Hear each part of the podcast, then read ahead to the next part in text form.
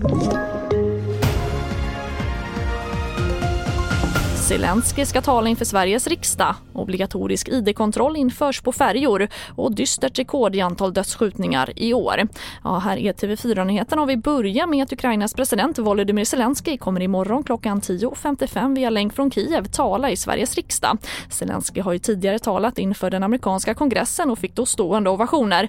Och han har även tidigare talat inför andra parlament som Frankrike, Kanada och Tokyo. Och vår reporter Per Herman Rud säger så här om vilken betydelse detta har har?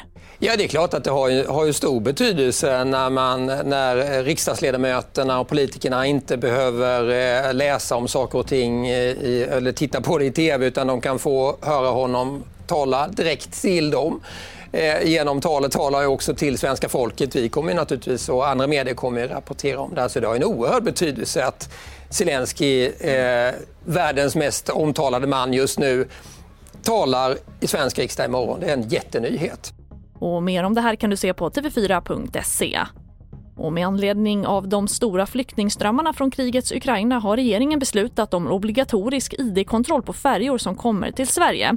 Regeringen motiverar det med att det är extra svårt att registrera korrekta uppgifter när så många befinner sig på flykt. Genom id-kontroller på färjor får Migrationsverket bättre kontroll på vilka som kommer till Sverige och dessutom blir det lättare för myndigheterna att upptäcka trafficking.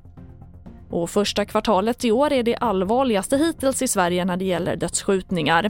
Det visar siffror från polisen. Trots att mars inte ens är slut så har 16 personer skjutits till döds och det är 10 fler än under samma period förra året. Johan Forsell är rättspolitisk talesperson för Moderaterna.